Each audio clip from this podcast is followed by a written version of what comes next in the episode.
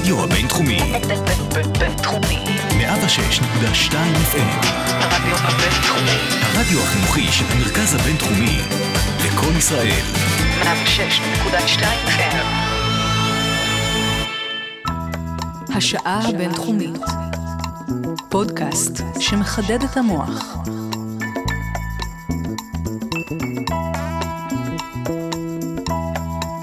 אהלן לכל המאזינות והמאזינים, אנחנו בפרק נוסף של השעה הבינתחומית, כאן ברדיו הבינתחומי 106.2 FM.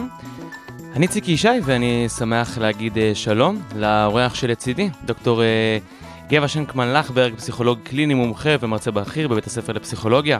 אהלן גבע, מה העניינים? היי, צהריים טובים. אז אה, קודם כל תודה רבה שבאת, ובשעה הקרובה אנחנו ככה לכבוד יום המשפחה שצוין, נחגג בחודש האחרון.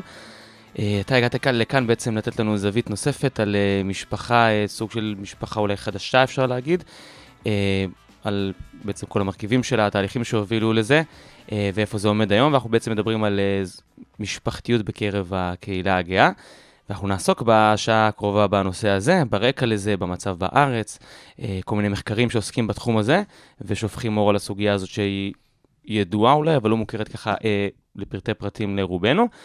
אז בואו ברשותך נתחיל באמת מה, מהרקע, אם טיפה אפשר לחזור אולי אחורה היסטורית או משהו כזה, אה, ולהבין איך אנחנו, היום אנחנו נמצאים ב-2018 ומדברים על, על הורות בקרב קהילה גאה, זה לא דבר שהיה אפשר לדבר עליו אם היינו מקליטים את התוכנית הזאת לפני 30 ו-40 שנה, אז מה התהליכים ההיסטוריים בעצם, או החברתיים, שהובילו אותנו לנקודה שבה אנחנו נמצאים היום בהקשר הזה? נכון, אתה צודק ממש. זה באמת אה, נקודה בזמן אה, שבהרבה מובנים היא מדהימה, כי עברנו הרבה.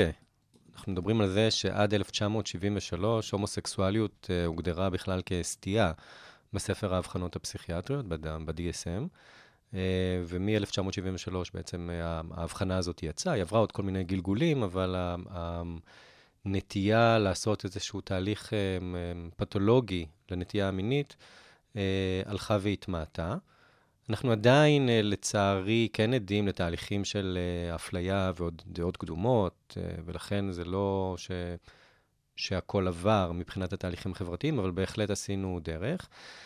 משנות ה-70 גם התנועה, התנועות לשחרור האישה וכל הנושא של שוויון בין המגדרים.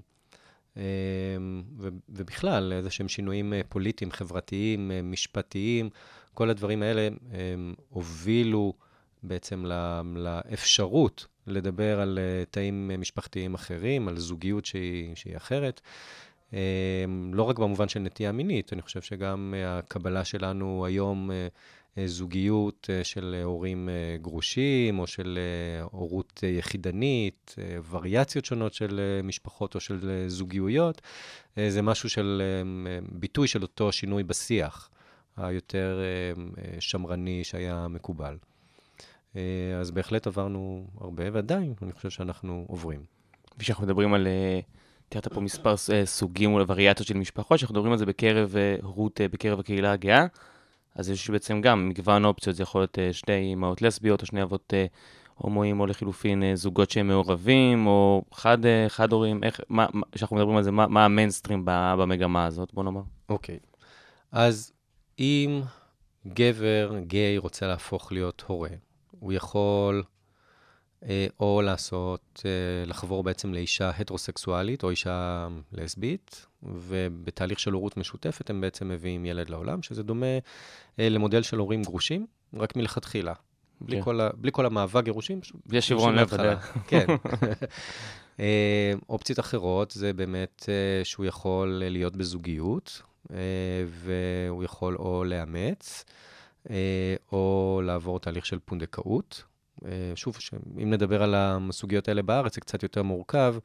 אה, גם סערת האימוץ שהייתה כאן לפני אה, כמה חודשים, וגם אה, הנושא של פונדקאות, שהוא כל הזמן בכותרות. אני גם ניגע בזה בהמשך התוכנית, באמת נראה נכון. עובי הקורה של מה, של מה, מה שמתרחש כאן בהקשר נכון. הזה. אה, אז אלו וריאציות אה, מקובלות. אה, כן, גם יש גברים שהיום מגדירים את עצמם כ- כהומוסקסואלים, ובעצם הם הביאו ילדים דרך קשר הטרוסקסואלי, כשהם עוד לפני שהם... יצאו מהארון, או אוקיי. כשהם זיהו את עצמם עוד כ- כהטרוסקסואלים. כלומר, ילדים יכולים להגיע לעולם בכל אחת מהווריאציות האלו. בקרב נשים, אז יש את כל הנושא של תרומת זרע, ולכן אישה יכולה כמובן גם אה, להפוך להיות לאם יחידנית דרך תרומת זרע, יכולה אה, כמובן לאמץ, ואם זה בזוגיות אה, לסבית, אז היום אפילו יש אה, אפשרויות אה, ככה יותר ייחודיות של בעצם לעשות תרומת ביצית מבת הזוג, שיכולה להיות אה, אה, מופרית על ידי תרומת זרע ומוחזרת לבת הזוג השנייה. אה, ואז בעצם הילד הוא משותף מבחינה... נכון, הכי קרוב בעצם לגנטיקה משותפת. כן. כמו שנגיד אצל זוגות uh, של uh, uh, גברים, אפשר, נגיד בתהליכים של פונדקאות לתאומים, אפשר להפרות שתי ביצים בשני זרעים שונים של כל אחד Mm. מבן הזוג, ובעצם יהיה הריון אחד עם שני ילדים שמקושרים גנטית, כל אחד לאבא האחר. וכשאתה משרטט לי כאן את כל ה... בעצם מגוון של האופציות הזה, בוא נקרא לזה ככה, אז אתה יכול להגיד לי מה עדיין האופציה שלצורך העניין היא הכי קשה אה, להשגה מבחינה, מבחינה ביולוגית, אולי זה יותר ברור, אבל מבחינה אה, חברתית, מבחינת המוסכמות, מה, איפה ה... יש איזה מדרג של קושי אולי, של דברים שעדיין יותר קשה לחברה לקבל? אני חושב שיש כאן אה, איזושהי שונות, ובאמת היא, היא, היא משתנה מאוד סביב הערכים החברתיים, סביב המדינה. יש מדינות שכל הנושא של טכנולוגיות פריון מעלה שם סוגיות אתיות אה, יותר מחמירות, ואז אנחנו פחות נראה את האפשרות בכלל של פונדקאות, או של אה, אה, האפשרות, נגיד, להחזיר עוברים שמופרים על ידי זרעים שונים. אז אפשר לראות את זה בחלק ממדינות אירופה ובחלק ממדינות המזרח. שמה, שהם, עוד פעם? כן, זה היה קצת מסובך. כן, ניסיתי לעקוב, אבל באיזשהו אמרתי, רגע, רגע, לא בטוח שהבנתי מה. כל ה... צריך אולי להגיד שבאמת כל האופציות האלה, שבעבר אולי נשמעו כמו מדע בדיוני, מתאפשרות היום בגלל אה, פריצות דרך בתחום של טכנולוגיות פריון. אה, כל הנושא של אה, אה, הקפאת אה, ביציות, הקפאת אה, עוברים, הפריות IVF, הפריות חוץ-גופיות, אה, אלו פרוצדורות רפואיות שהשינויים הטכנולוגיים אפשרו להם להתרחש אה, בצורה אה, אופטימלית היום. ברמה שלפני אה, עשור, הנושא של היה ממש קושי בלהקפיא אה, עוברים ולהצליח להפשיר אותם אה, ככה שהם יהיו אה, ויטאליים. והיום זה, בקליניקות המובילות בעולם, זה בהחלט משהו שהאחוזים שם מאוד מאוד גבוהים. כמו טכנולוגיות אחרות, זה האפשרות אפילו לעשות איזושהי ביופסיה מה, מהעובר המופרה ו- ולעשות איזה שהן מודיפיקציות, כאילו דברים שהם, שהם יכולים לה- להעלות סוגיות אתיות, ולכן ב, זה יכול לעורר התנגדות במדינות uh, מסוימות. Uh, אני חושב שדבר נוסף שקשור זה באמת מה העמדה של החברה לגבי uh, זוגיות חד-מינית. זאת אומרת, אם יש איזה שהם מדינה או קובעי מדיניות שמאוד חוששים ממודל הורי שהוא לא יורכב מגבר ואישה, אז מודלים של זוגות חד-מיניים שמביאים ילדים יעוררו יותר קונפליקט לעומת מודלים של הורות משותפת, לדוגמה. ששם יש גבר ואישה. גם הם יעדיפו אה, זוג של הומו ולסבית שכאילו, כמו שאמרתם, נכון. שחיים בצורה של גירושין כביכול, נכון. מאשר אה, זוג של אה, בני אותו מין. נכון, כי יכול להיות שעבורם זה, זה יהדהד ל, למיסקונספציה ש, שילד צריך גבר אה, ואישה בשביל אה, להתפתח בצורה תקינה, ששוב, מחקרים מראים היום, אולי נדבר על זה בהמשך, ש, שזה כמובן. לא נכון. ואנחנו, וכש, ובין זוג גברים אה, אה, לזוג נשים, גם אתה יכול לזהות איזושהי עדיפות חברתית, סבלנות יותר גדולה לאחת מהאופציות, או לא אז זה בהכרח? באמת חשוב להגיד שאני אני לא חושב שיש עדיפות לאופציה אחת על אחרת. אני באמת חושב שכל האופציות באמת טובות. לא, אני מדבר מבחינה אה, חברתית, מבחינת הסבלנות והאופציה שזה מתקבל, לא... אה, אז אני חושב שגם זה, זה כאילו משהו שהוא הוא לא, הוא לא מהותני. כאילו, זה לא שיש כאן אמת. יש כאן משהו שהוא באמת אה, תלוי בנקודת זמן אה, אה, אחת, בקובעי המדיניות, או במה הלך הרוח החברתי. אני חושב שכל האופציות שהעליתי הן אופציות טובות, כל עוד הבני הזוג, ההורים, נותנים משמעות לתהליך שהם בחרו, מבינים למה הם בחרו בדרך הזו, למה היא טובה להם, למה היא משרתת את המודל ההורי שהם היו רוצים לממש.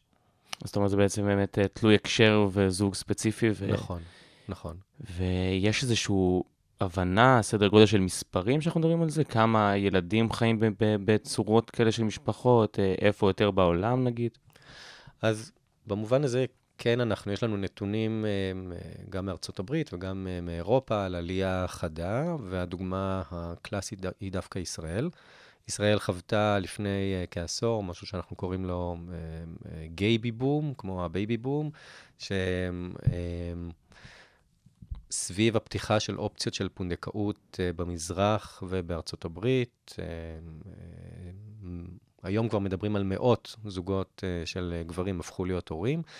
אה, גם מ- מ- מהזווית של... בישראל, אתה אומר. בישראל, כן, היא ממש נחשבת ל- למעצמת ו- והרוב פונדקאות. פונדקאות אתה- שאתה אומר את זה? כן, פונדקאות בחו"ל, וזה שינוי של הדפוס, כי עד לפני עשור רוב הגברים ההומוסקסואלים שהפכו להיות הורים, זה היו או גברים אה, שהפכו להיות אה, הורים בקונטקסט של קשר הטרוסקסואלי קודם, או בקונטקסט של אימוץ. אבל מה שקרה בעשור הזה, שהאופציות של אימוץ נסגרו כמעט באופן אה, מוחלט ממזרח אירופה, אה, ואופציות האימוץ בישראל מאוד מצומצמות, עד כמעט לא קיימות אה, לזוגות חד-מיניים. האופציות של אימוץ מחו"ל נסגרו בשנים האחרונות? האופציות, כן. למה?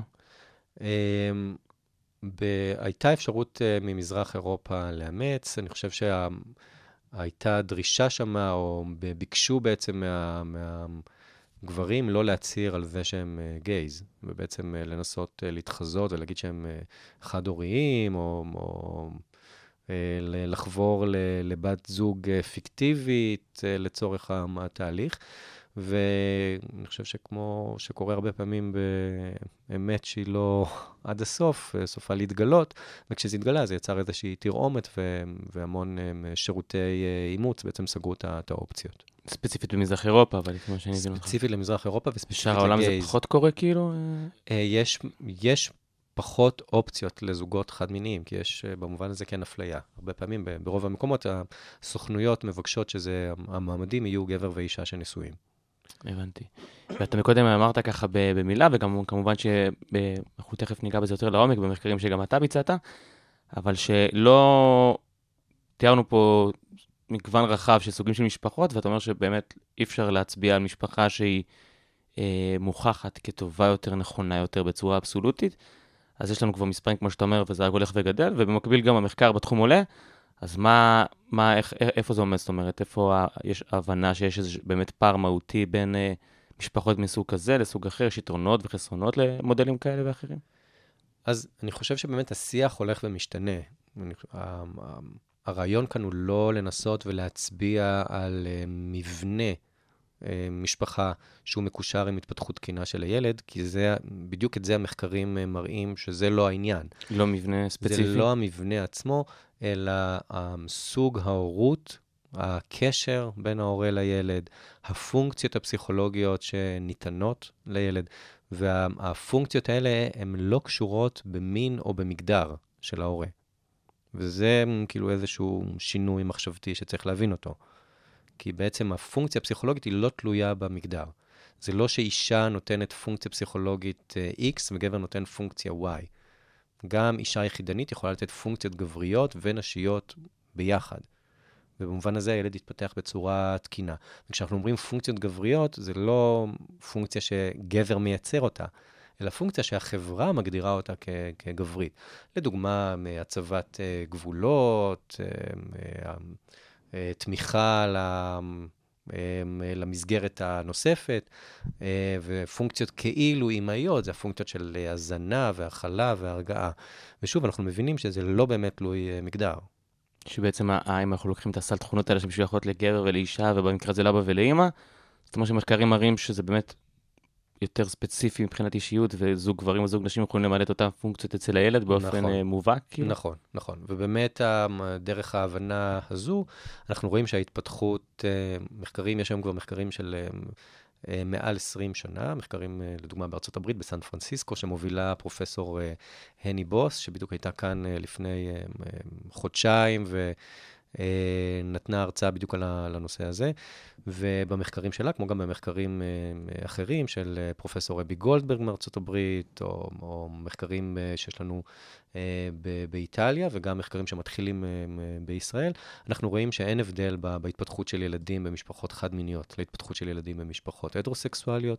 הם לא מפגינים יותר בעיות פסיכולוגיות, אה, הם לא שונים אה, מבחינה קוגניטיבית או, או רגשית.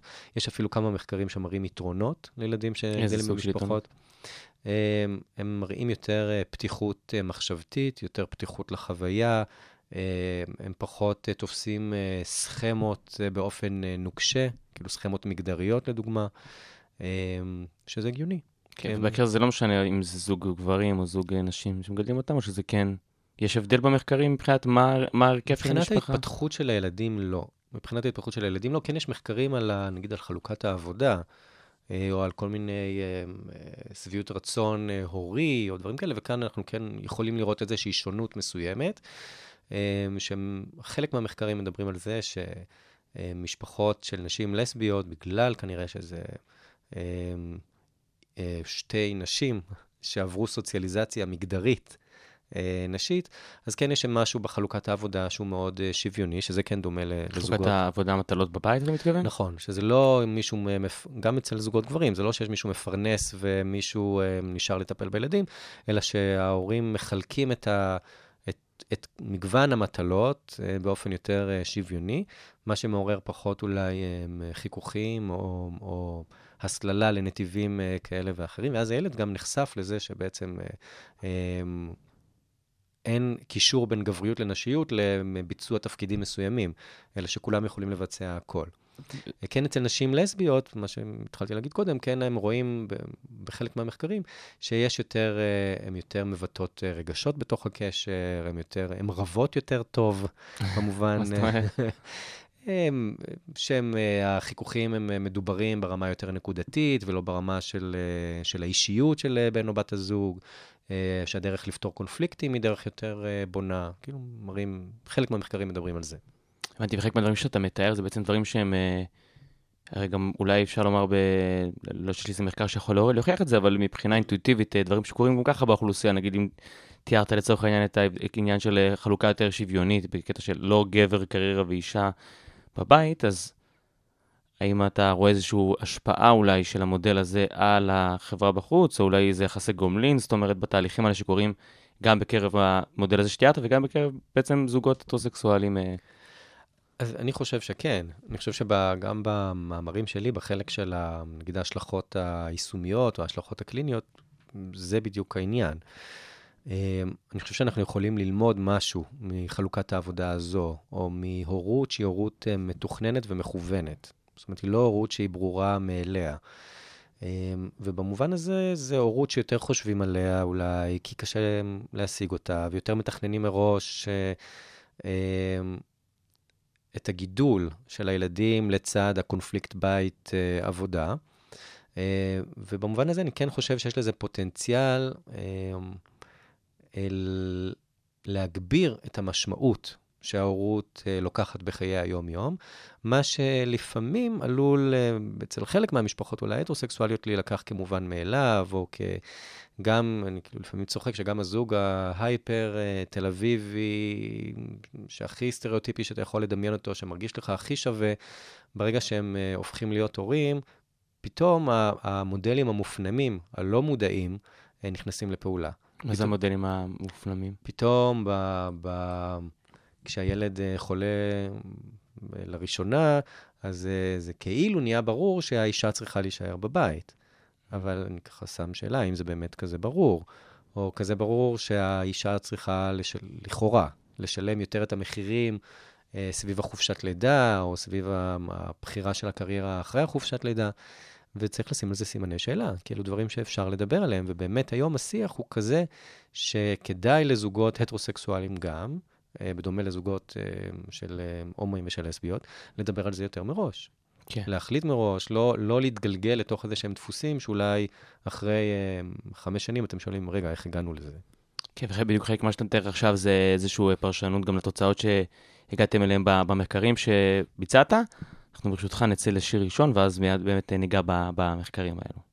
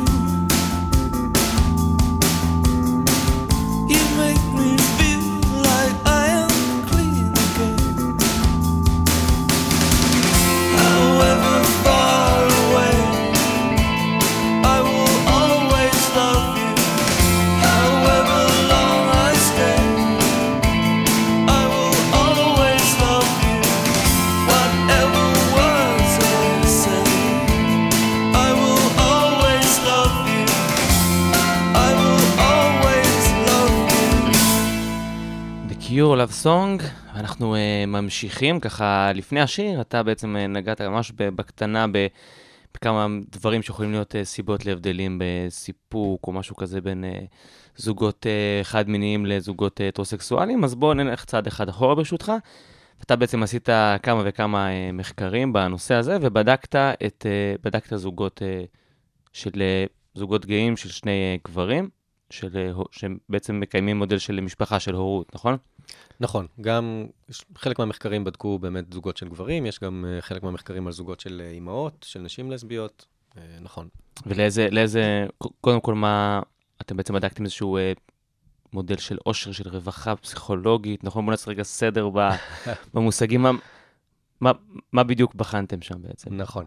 אז אולי אני, אני ככה אלך אה, לאחד המחקרים הראשונים, ואם אם נגיע לחלק מהמחקרים יותר עכשוויים, אז בכיף, ואם לא, אז זה גם בסדר. אה, אז באחד המחקרים הראשונים, אה, הסתכלנו על משהו, על תופעה שנקראת פרדוקס ההורות, שאני אסביר את זה כרגע. נורא מתסכל היה לי להבין את זה, שתדע לך. זהו, רוב... הגיוני, אבל מתסכל. נכון, נכון, נכון. כי זה בסדר אם אני אשאל, כי אין לך? ילדים? אה, כן, כן, כן, זה בסדר נכון, גמור, אין לי אוקיי, ילדים, נכון. תשמע, הבנתי שכמו כל דבר בחיים אתה מחכה למשהו, וכנראה שהוא מגיע הוא פחות זהר ממשהו, יהיה, אבל, אבל לראות את זה ככה שחור על גבי לבן, זה קצת... נכון, נכון. אז זה, באמת, אה, החוויה שלך היא החוויה הנפוצה, כשאני שואל אנשים שאין להם ילדים על אה, מה הם חושבים שקורה כשהם אה, יהפכו להיות הורים, ורוב האנשים אומרים שהם יהפכו להיות יותר מאושרים. אה, ובמובן הזה, מחקרים מראים אה, אחרת. מחקרים... אתה- נכון, נכון. מתנצלים לאכזב פה יותר. מחקרים אה, ב- ברחבי העולם, שהממצאים משתחזרים שוב ושוב, מראים שהמעבר להורות הוא מקושר עם ירידה ברווחה נפשית, אה, שזה אומר שיש פחות שביעות רצון מהחיים, יש יותר אה, רגשות שליליים, אה, פחות רגשות חיוביים, יותר אה, אה, מופע של סימפטומים אה, דיכאוניים, פחות שביעות רצון מהקשר הזוגי. אפשר קצת להמשיך, תעצור, אבל זה תעצור. מדכא. ובאמת זה מאוד מפתיע אנשים. אה, אני חושב שכששואלים הורים על זה ואומרים להם, אנחנו לא, לא נעביר את, ה, את התגובה שלכם הלאה, אז הם אה, ככה הם, אולי הם, הם משפילים מבט ואומרים, כן, כן, זה קצת פוגע באושר, ב, לפחות ב- בשנים כן, נראה לי גם קשה הראשונות." להודות בזה, לא? נכון. זה קצת כי אתה כאילו קצת מאשים את היצור שאתה בעצם גם הכי אוהב באיזשהו מקום. נכון, וגם זה קצת קשה להכיל את זה שאתה גרמת להורים שלך סבל בזה שהגעת לעולם, אבל כמובן שאנחנו, אני קצת מגזים כאן ו- והופך את זה ל... לסאטירי, אבל המעבר אה, להורות בהחלט פוגע ברווחה הנפשית המיידית, כי אנשים שהופכים להיות הורים, והם בוודאי יכולים להזדהות עם זה, הם ישנים פחות, הם רבים אולי יותר, הם, הם אה, מתוסכלים מחלק מהדברים, הם באזור שהם מתקשים אולי לתקשר אה, ולהבין בדיוק מה התינוק או התינוקת רוצים בכל רגע נתון. הם עושים איזה שהם ויתורים בציר של הקריירה. אה, אז יש כאן כל מיני, אה, אין להם אולי את הזמן להשקיע במה שהם רצו קודם, לבירה עם חברים ולכושר או לחוגים ומה שהם רק רצו, או לימודים. אה, והדברים האלה כן מקושרים עם, עם פגיעה ישירה במדדים של רווחה נפשית. מהצד השני, אנחנו כן רואים עלייה בסוג אחר של עושר, שהוא בעצם עושר יודימוני או משמעות, משמעות חיים. כן, אה, המעבר להורות מקושר עם אה, עלייה בחוויה של אה, צמיחה אישית ושל מטרה בחיים, שאלו אלו מדדים קלאסיים למשמעות חיים. וזה זה בעצם- פשוט מעבר לסוג של ממד אחר, ואפשר להגיד שאולי הרווחה שתיארת שיורדת זה בגלל ציפיות שהן שייכות לחיים הקודמים שלך בתור מישהו שהוא לא הורה, ואז אתה עובר לאיזשהו ממד אחר של משמעות יותר במובנים אחרים מאשר אז סיפוק או מיידי או משהו כזה. אז אני חושב שאופציה אחת היא באמת להסתכל על זה כמעבר אולי לסוג עושר אחר, ואופציה נוספת היא להסתכל על בעצם על שני סוגים של עושר שמתקיימים בו זמנית. עושר שהוא יותר עושר הדוניסטי, שזה העושר של, ה... של השביעות רצון, של הרגשות החיוביים, השליליים, שזה עושר יותר מיידי. שהוא גם- נפגע בעצם, שהוא. נפגע, נכון. ועושר אה, של משמעות, שהוא בעצם עולה. זאת אומרת, זה שני תהליכים אולי, הם שני קונסטרקטים, שהם אה, עובדים במקביל. ופרדוקס ההורות אצל הטרוסקסואלים מדבר על זה שהעושר ההדוניסטי יורד, והעושר של המשמעות עולה. וזה בעצם הפרדוקס. והטענה אה, שלנו, שלנו זה שלי ושל פרופסור אה, דוב שמוטקין מאוניברסיטת תל אביב, הייתה שאנחנו כנראה, או רצינו לבדוק, האם אצל אה, זוגות של גברים הומוסקסואלים לא נראה את פרדוקס ההורות. כי אנחנו חשבנו שהמעבר להורות אצלהם הוא קשור בתהליכים פסיכולוגיים אה, של תכנון, של אה, רצון אז אה, אה, לרצות משהו ולדעת שזה לא פשוט להשיג אותו, ולבחור את הנתיב הספציפי, האם זה דרך פונדקאות, או הורות משותפת, או אימוץ. אה, ובאמת להילחם על משהו ולעשות איזה שהם ויתורים. שהטענה שלנו, שכשאתה עושה את התהליך הזה, המשמעות היא מאוד מאוד גבוהה. ויכול להיות שהמשמעות הזאת היא מאפילה, או יש לה פוטנציאל להאפיל על הקשיים היומיומיים. ולכן הדיווח יהיה על, על עלייה גם באושר של משמעות, אבל גם על עלייה באושר אה, ההדוניסטי. למה אבל? לפי מה שאני מבין ממך, בעצם מה שאתה מתאר, אז המשמעות אולי תצליח להיות יותר ברורה, אה, מאשר משמעות שכמו שתיארתם קודם, שזה משהו שהוא מסלול שמובן מאליו, אבל איך זה מפצה על העושר ההדוניסטי שבסוף נפגע? כי כאילו, אתה מסביר לעצמך את זה שקשה לך בזה שנורא רצית את זה, בזה שזה, גם ברגעים הכי קשים שלך, זה אולי אתה אומר, זה לא ברור מאליו, או איזה כיף שאני מקטר על, ה- על זה שאני לא ישן, כאילו לפני אה, 20 שנה בכלל הייתה לי את האופציה לקטר. כלומר, יש, המשמעות הזאת, יש לה אפשרות לבנות מחדש את, ה, את הפגיעה באושר המיידי. אה, וזה באמת מה שראינו. באותו מחקר ספציפי ראינו בצורה די אה, ברורה שאבות שהם גייז דיווחו על רמות גבוהות יותר גם של משמעות חיים וגם של עושר הדוניסטי, בהשוואה לזוגות של הומואים שהם בלי ילדים, וגם בהשוואה לגברים הומוסקסואלים שהם בלי ילדים ורווקים. אה, וזה דפוס נתונים שהוא שונה מהמחקרים אצל הטרוסקסואלים, ששם אתה כן רואה את פרדוקס ההורות. בצורה יותר מובהקת? שאצלם אתה פשוט רואה את הפרדוקס, ואצל הומואים אתה לא אה, רואה זה את ממש הפרדוקס. מטשטש הפרדוקס הזה? ממש. ממש, כאילו, רואה- אין, נכון. לא, לצורך העניין, שני הצירים שאתה מתאר פה, אז ה- אין תחושה של פספוס אה, הדוניסטי כמעט, וה... בדיווחים, נכון, זה מה שראינו. בדיווחים על עושר, נכון. והטענה התיאורטית היא שבאמת המשמעות כאן משכה למעלה גם את, ה, את העושר. כי המדדים של אה, משמעות ועושר הם מדדים שהם בקורלציה גבוהה, הם קשורים אחד אה, לשני. כן רצינו לעשות איזשהו מחקר המשך, אה, באמת בשביל להשוות את האבות, להשוות אבות הומוסקסואלים לאבות אה, הטרוסקסואלים, ועשינו כבר דגימה חדשה. אה, שבתוך הדגימה החדשה בדקנו בעיקר אבות הומוסקסואלים שהפכו להיות הורים מתוך פונדקאות, מתוך ההבנה שזה תהליך באמת גם יקר וגם קשה וגם עם הרבה תכנון, שדורש הרבה הקרבות. אבות הטרוסקסואלים.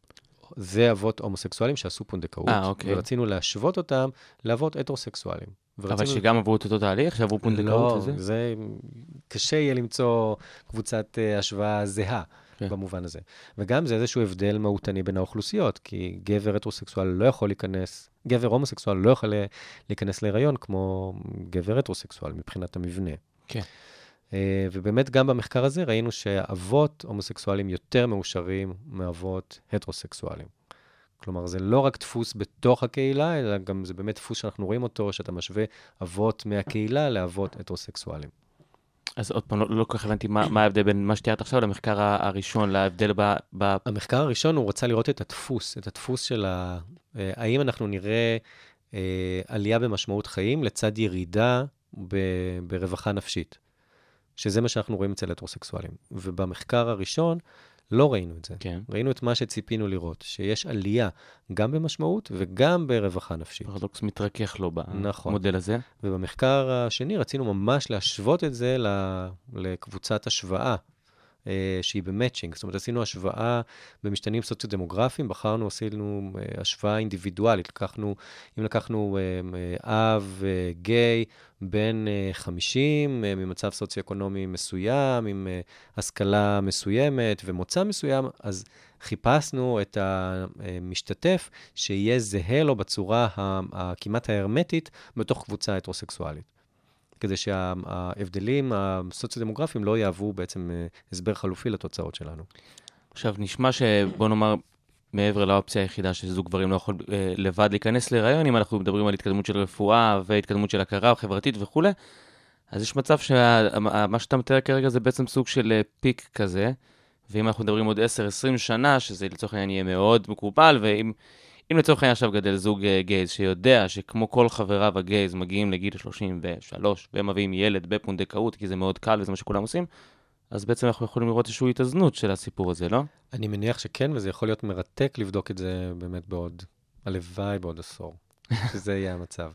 אתה אומר, זה, זה, בעצם מה המציאות שאנחנו מתארים כאן זה בעצם איזשהו רווח שהוא תוצאה אולי של אפליה וקושי, וב- שבעצם הדבקות בדרך הביאה לאושר יותר סופי בסוף, נכון? נכון, ואני חושב שמחקרים שיכולים לעזור לנו לתקף את, ה, את ההסבר הזה, זה דווקא מחקרים על אה, אוכלוסייה הטרוסקסואלית אצל נשים שמתקשות להיכנס להיריון.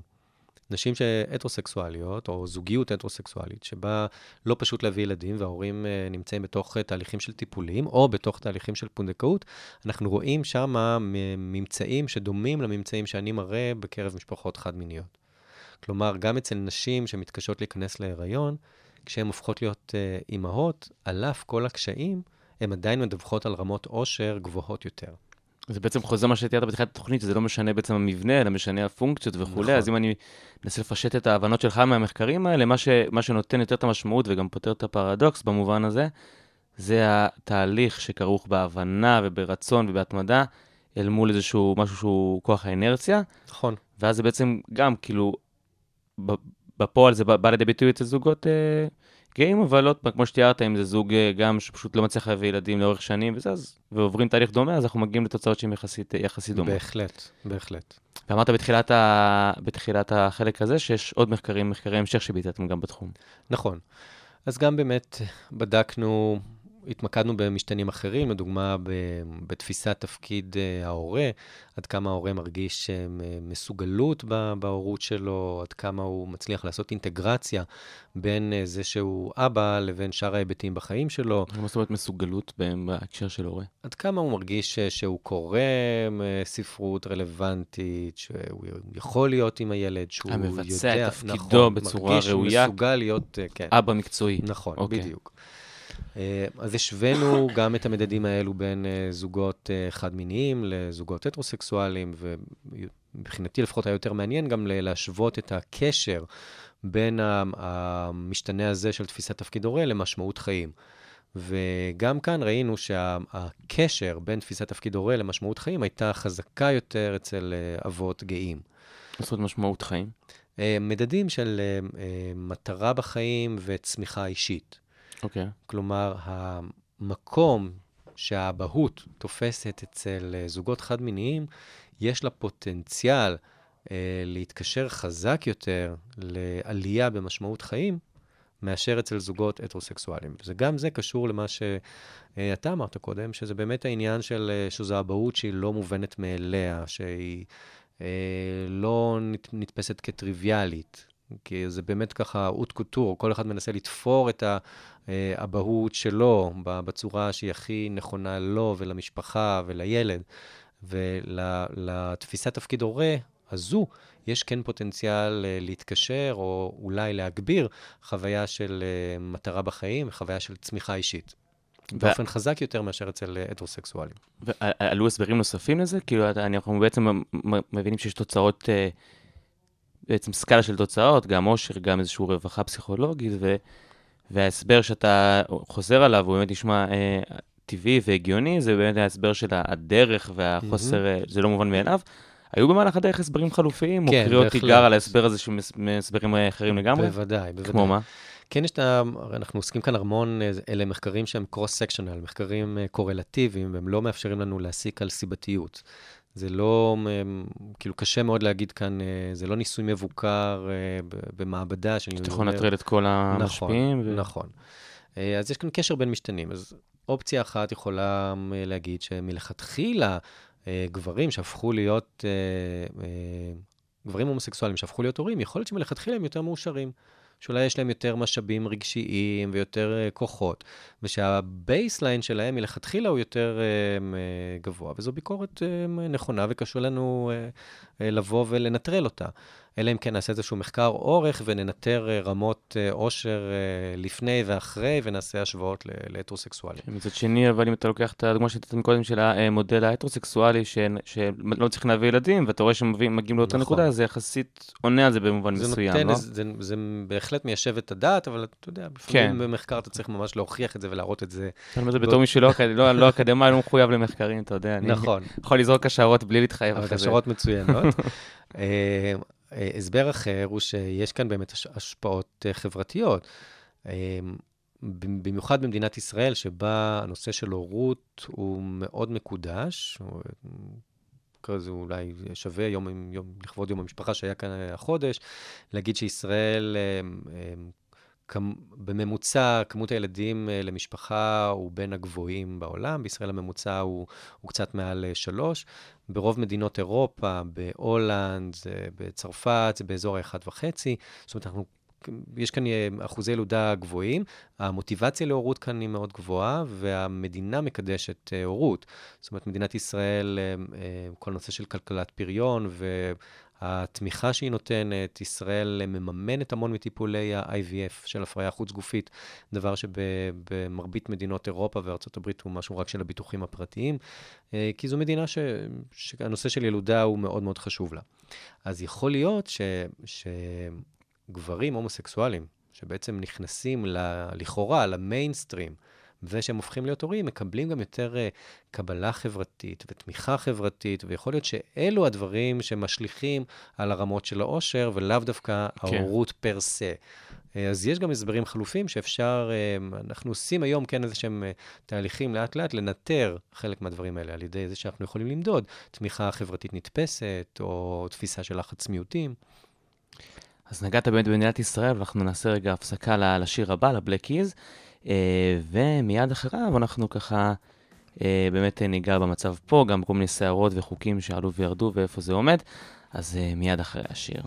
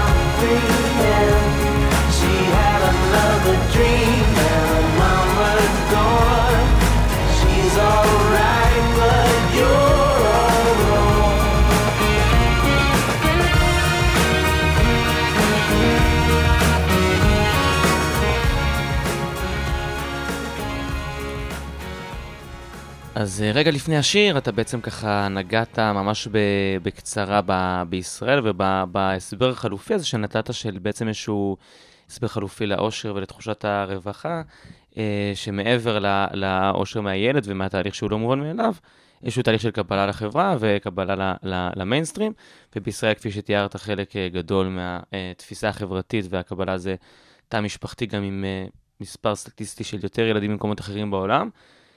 אה, ומרגיש לי שפה המצב בישראל קצת, אה, גם יש איזשהו פרדוקס, כי אה, הזוגות גאים שרוצים בעצם להיכנס למיינסטרים הזה, מי שבעצם מחזיק את המיינסטרים הזה בצורה, מי שמוביל אותו, זה בעצם כוחות מאוד שמרניים.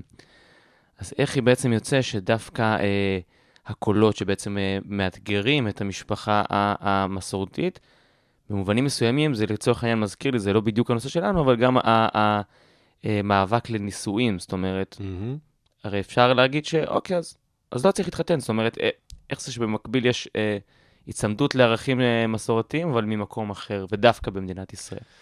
אני מסכים, אני חושב שזה שיח אה, ער, ש... שהוא שיח על זהויות, וגם נכנ... נכנסת בו התיאוריה הקווירית, של האם אנחנו צריכים אה, בכלל את ההגדרות האלו, ובאמת מה המשמעות של הגדרות, והגדרות שהן יותר שמרניות. ו- ואולי אולי ניגע בזה עוד רגע. כן, אמ- אמרת משהו על הקונטקסט הישראלי שהוא מת- מתעתע או מבלבל, וזה זה מדויק. אה, כי אמרנו שישראל מצד אחד אה, מקדשת הורות, ו- ויש סוציאליזציה מאוד חזקה אה, למעבר להורות. אנחנו צוחקים שלפעמים ב... ב- תחת החופה, זה רק שברת את הכוס וכבר מגיעה הדודה ואומרת, נו, אני אחכה עוד הרבה זמן. זה באמת, יש אה, לחץ אה, רחב. דרך אגב, גם זוגות חד-מיניים מדווחים על אותו דבר, אותה דודה מגיעה ו... לא, אתה יודע, זאת- היא- היא היא בטוח מתעלמת ממגדר, והיא היא שם, היא שם היא בכל בכל מחכה מקרה. לילדים, נכון. היא בכל מחכה. מקרה שם. אה, אז מצד אחד יש סוציאליזציה מאוד חזקה להורות, אבל מהצד השני, ישראל, אה, לצד החקיקה באופן יחסי המתקדמת, כן גם מערימה קשיים אה, על זוגות חד-מיניים בדרכם להפוך להיות הורים. הרמה של הקשיים היא גם, קודם כל, בזה שנישואים חד-מיניים אה, לא מוכרים אה, בארץ כרגע. לא מוכרים במובן של אסור לזוגות חד-מיניים להתחתן אה, בארץ, הם יכולים להתחתן בחו"ל, ואז אולי משרד הפנים יכיר בזה, אבל מבחינת נישואים חד-מיניים כמו בארצות הברית או בחלק ממדינות אירופה, הדבר עוד לא, לא אפשרי בארץ. והדבר השני זה הנושא של ילודה, לדוגמה פונדקאות. אה, זו הדוגמה שנמצאת בכותרות כבר אה, זמן רב. אה, בישראל, החוק לנשיאת עוברים, החוק, אה, חוק הפונדקאות, הוא מאפשר בעצם לזוגות הטרוסקסואליים כן להשתמש בשירותי פונדקאות בארץ, והוא לא מאפשר לזוגות חד-מיניים להשתמש בשירותים האלה. ויש כאן איזשהו תהליך של, של אפליה. שירותי פונדקאות בתוך גבולות המדינה? בתוך גבולות המדינה. ובמובן הזה, יש כאן באמת פרדוקס, שמצד אחד, אותה אוכלוסייה גדלה בחברה שטפטפה בצורה מאוד ברורה את החשיבות של אה, ערכי המשפחה, ובתוך תהליך של סוציאליזציה והפנמה, אה, אה, מביעה מוטיבציה גדולה להפוך להיות הורים. יש לי מחקרים שהם בודקים מוטיבציה להורות, וכשאני משווה את הנתונים שלי לנתונים, ב, לדוגמה, באיטליה או בארצות הברית, אז הנתונים בישראל לגבי מוטיבציה להורות הם גבוהים יותר. אה, גברים ישראלים, אה, הומוסקסואלים, אוקיי. רוצים יותר ממקביליהם, ההומואים, במדינות אירופה או ארה"ב, להפוך להיות הורים, וזה קשור במה שאמרנו בחברה הישראלית שמקדשת הורות. מהצד השני, החברה הישראלית מערימה קשיים, ואז עלול להתפתח איזשהו פער בין רצון מאוד גבוה להיות הורה, לבין הערכת סיכוי שהדבר יתממש, שהוא יותר נמוך. באחד המחקרים שלי, אנחנו רואים שהפער הזה הוא מנבא, לדוגמה, מובהק לדיכאון. כלומר, זה שמצד אחד אתה מאוד רוצה להיות הורה, ומצד השני אתה מבין שהסיכוי לזה הוא יחסית נמוך בגלל כל הקשיים, זה מנבא מובהק לדיכאון שהוא נמצא חזק יותר מאשר לדוגמה מצב אה, בריאותי ירוד, או מצב כלכלי ירוד. דיכאון בשלב, לצורך העניין, של זוג אה, גיי- אה, הומואים, לפני שהם שהם מנהלים חיי זוגיות כן. ולא מביאים, זה עוד בכלל לפני ש... כן, אצל... וזה דברים שהם נבדקו, שהם, אתם יודעים שהם מדווחים על אה, סיבות לדיכאון וזה, אתה יכול להגיד, להצביע את זה באופן מובהק, כן, שזה... כן, זה, המחקר הזה ממש בדק קורלציות. שוב, זה לא סיבתיות, אבל המחקר הזה כן. בדק את המערך של הקורלציות. ונגיד, הערכת סיכוי נמוכה להפוך להיות הורה נמצא כמנבא חזק יותר לדיכאון מאשר מצב אה, בריאותי או מצב כלכלי. כלומר, זה משתנה ליבה, זה משתנה שבהחלט מעסיק את, ה, את האוכלוסייה. אה, ומתוך המקום הזה, אני חושב שבהחלט יש מקום לשיח הציבורי אה, לגבי איך אפשר אולי אה, להקל על זוגות חד-מיניים להפוך להיות הורים. לגבי השאלה שלך על, ה, על ה, איך זה באמת מעניין, שמצד אחד אולי אה, יש משהו בלאתגר זהויות, בלהיות אה, גיי או לסבית. Uh, ומצד השני, לרצות לקבל את ה... כאילו, את ה... אני יודע מה, את הגושפנקה הממסדית. לגבי- שמרנית אפילו. השמרנית, נכון. במקרה שלנו. נכון. ואחת הפרשנויות שהן מוצעות היא לאו דווקא מעולם הפסיכולוגיה, כמו מעולם המשפט או הפוליטיקה, אמ, וזה סביב העניין של, אה, שבאמת, שבשביל זכויות אה, צריך אה, כנראה להילחם ושזה יהיה זהה. אפשר אה, לנהל שיח על, אה, על אה, מה המשמעות של אה, נישואים, או, או מה המשמעות של מונוגמיה, או כאילו, או מה המשמעות של הממסד במובן הזה.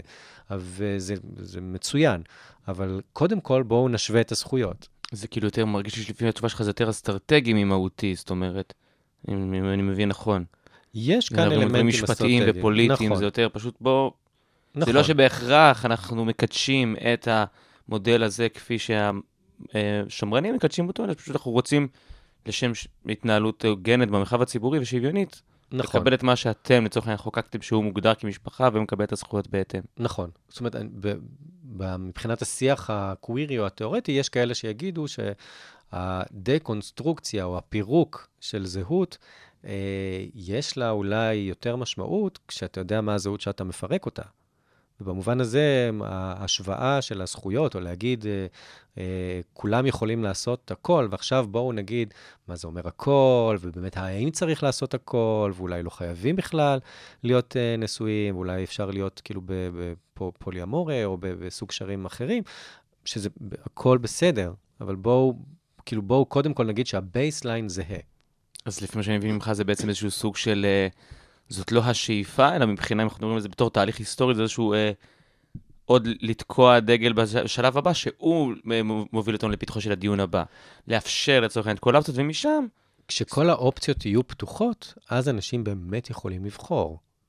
אני חושב שכל עוד לא כל האופציות פתוחות, אז המבנה שהוא מגביל, הוא גם מייצר זהות שהיא אחרת.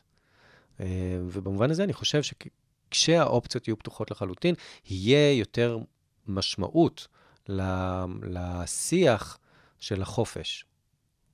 וכשאתה, אם אנחנו חוזרים רגע באמת לה- להקשר המקומי שתיארת מקודם, שאנחנו uh, בעצם מדברים על, ה, על הקונפליקט הזה שנוצר בחברה הישראלית, על הרצון האדיר להורות אל מול ממסד שמרני, אתם מזהים דברים שהם uh, uh, תוצאות שהן שונות באופן מהותי ממקומות אחרים בעולם מבחינת ההשלכות של הסיפור הזה?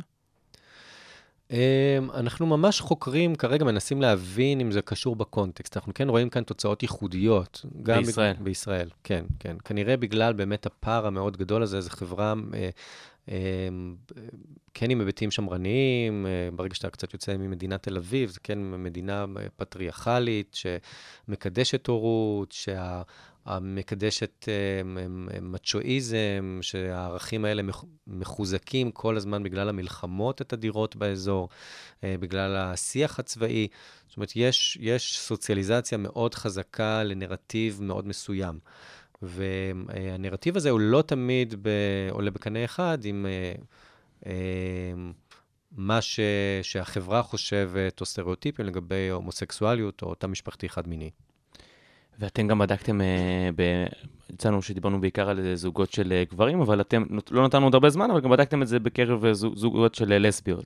נכון, יש לנו מחקר, אה, אחד המחקרים, וכרגע אנחנו באמת אה, אוספים אה, data נוסף, אה, כבר במשך שנתיים, אה, לא מעט data על, אה, על אה, נשים לסביות.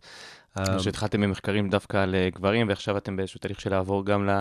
אנחנו, בדיקה יש לנו קצת יותר אמצעים ויותר פניות, אז, אז אנחנו עושים במקביל את, ה, את הדברים, אבל באמת בהתחלה זה, זה התחיל יותר עם אה, זוגות של אה, גברים, מתוך ההנחה ששם יהיה לנו יותר קל לראות את האפקט, כי זה, זו אוכלוסייה ש, שמבחינה רפואית יותר קשה לה להיכנס להיריון, אה, כאילו להפוך כן. להיות הורים. אה, יש לה פחות אופציות זמינות. אה, אז באחד המחקרים על נשים לסביות, באמת בדקנו את הנושא של סיפוק צרכים פסיכולוגיים בקשר זוגי. הזכרתי קודם שאולי נשים לסביות רבות אה, טוב יותר, מנהלות, קונפ... פותרות קונפליקטים טוב יותר. אה, אז במחקר הספציפי הזה השווינו סיפוק צרכים בקשר זוגי, שזה בעצם אומר עד כמה כל אישה מרגישה שצרכים שלה בתוך הקשר, צרכים של אה, אוטונומיה, צרכים של אינטימיות, אה, של קרבה, אה, צרכים של מסוגלות, כמה הצרכים האלה מסופקים. ובדקנו גם את בלי ה... קשר לילדים ברקע. נכון. זה בלי קשר לילדים, זאת אומרת, זה בקרב אימהות, כי אנחנו יודעים שאצל אימהות הנושא הזה של סיפוק צרכים הוא עוד יותר חשוב. אה, בדקתם את זה אצל אימהות? זה אצל לא אימא- אצל זוגות שהם לא... זה אצל זוגות של, של אימהות, שיש להם, זוגות של נשים לסביות שהן אימהות. אוקיי. כשהרעיון כאן היה שמלכתחילה אימהות זה משהו שמאתגר את הנושא של אה, סיפוק צרכים בקשר זוגי, כי האישה בעצם כרגע משקיעה גם אה, לא מעט אה, מאמצים בגידול הילד, וכי אולי יש יותר חיכוכים סביב זה בתוך הקשר הזוגי, אז זה כן היה קונטקסט מאוד מעניין לבדוק שמה. וכן ראינו שבאמת נשים לסביות, אימהות לסביות מדווחות על רמה קצת יותר גבוהה מאימהות הטרוסקסואליות בכל מה שקשור בסיפוק צרכים בקשר זוגי. אוקיי. כלומר, שכנראה בגלל שזה זוגיות של אישה ואישה, כנראה הן מרגישות קצת יותר מסופקות בתוך הקשר. מסופקות ב- ב- במדדים שתיארת מקודם, של נכון, רווחה פסיכולוגית, בדיוק. משמעות ו... של הסיפוק של הצרכים הפסיכולוגיים בקשר. אוקיי. נכון? אה, ואחד ההסברים שנתנו הוא באמת לחלוקת העבודה, שהיא יותר שוויונית, וגם לסוציאליזציה המגדרית של יותר אה, להקשיב, יותר להיות נוכח, אה, כאילו דברים שמקושרים עם, אה, עם תהליכים אה, שאולי נשים מפנימות יותר בתוך התהליך של, ה, של הגדילה בחברה. אבל אין לכם אה, נתונים על ההבדלים אה, ב- ביחס ל- להורות בהקשר של אה, לסביות. באותו מחקר ספציפי, וזה לא, לא פרסמנו, לא ראינו הבדלים, כאילו, ב, נגיד בתפיסת תפקיד ההורה. זה פשוט היו אותה תפיסה, שגם זה ממצא לא- כשלעצמו. לא ראיתם הבדלים בין הזוגות הלסביות לזוגות ההומואים, או בין לסביות ל... בין, ה, ב, בין הזוגות הלסביות לזוגות ההטרוסקסואליות. אה, אין הבדל? אז אם ב... אנחנו... זה מדדים שונים. במדדים של סיפוק צרכים בקשר זוגי, כן, ראינו ש... כן, כן, כן, נשים אבל- לסביות יותר גבוהות קצת, ובנושא, לדוגמה, מדדים של עושר, לא ראינו הבדל. אושר שקשור להורות, או גם עדיין לא עושר קשור? כללי. Mm, אוקיי. גם בנושא של תפיסת תפקיד ההורה, לא ראינו הבדל. אז הקבוצה היחידה שזיהיתם בהבדל זה הקבוצה, אה, הקבוצה של הגברים. שיותר קל לראות שם הבדלים, זה הקבוצה של הגברים. ואז אנחנו באמת חוזרים להסברים אה. שנתתם מקודם. נכון, נכון. אוקיי, אה, לצערי זמננו ממש אה, תם, אבל היה לי באמת סופר מעניין ומעשיר לשוחח איתך בשעה האחרונה. דוקטור גבע שנקמן לחברג, תודה רבה לך שהגעת, ואנחנו מקווים שנמשיך עם הזמן, עם השנים, העניינים האלה יתחילו להתבהר יותר, ויהיו מחקרים מעניינים אה, לכאן ולכאן. אז אה, תודה רבה, ושיהיה הרבה בהצלחה בהמשך אה, מחקר של הנושא הזה. תודה, ובשמחה, ויום משפחה שמח.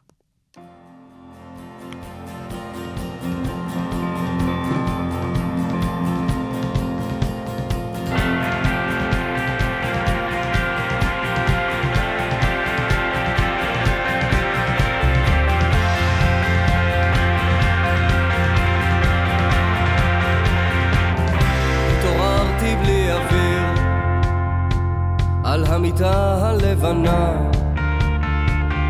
לא הצלחתי להסביר מה צעקתי משינה. היו לי חלומות רעים. הלוואי שלא היו אמת. מתחמק ממבטך ואני חייב לצאת. כי הנה יום חדש מתחיל. אני חוצה את הכבישים השדה מאחורי המפעלים הנטושים שם כל החלומות הופכים לאלף רסיסים קטנים. יושב על הר אשפה רואה ברזל ואבנים, ברזל ואבנים. יש זיכרונות שיכולים להפוך כל לב שחור קודחים בנשמה, משאירים רק אור. שוב הזבובונים סביבי ריח נשק וזיעה. הבתים הלבנים כמו מצבות על הגבעה והנה יום חדש מתחיל אני חוצה את הכבישים. אל השדה מאחורי המפעלים הנטושים. שם כל החלומות הופכים לאלף רסיסים קטנים. יושב על הר אשפה רואה ברזל ואבנים, ברזל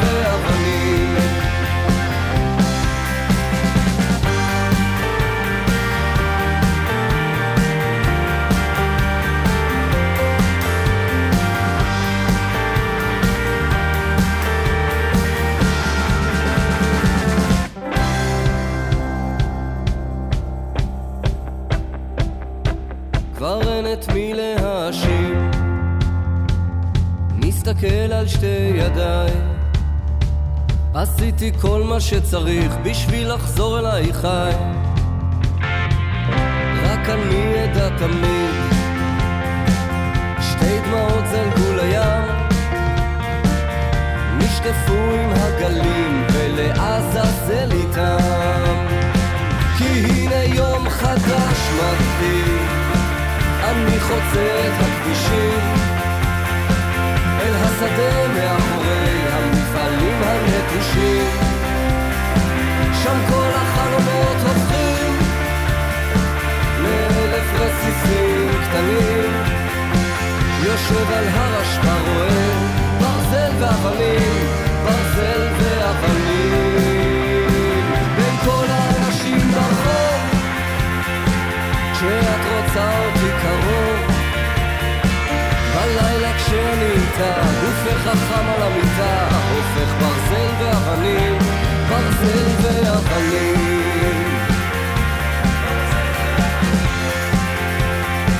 הכל ברזל ואבנים.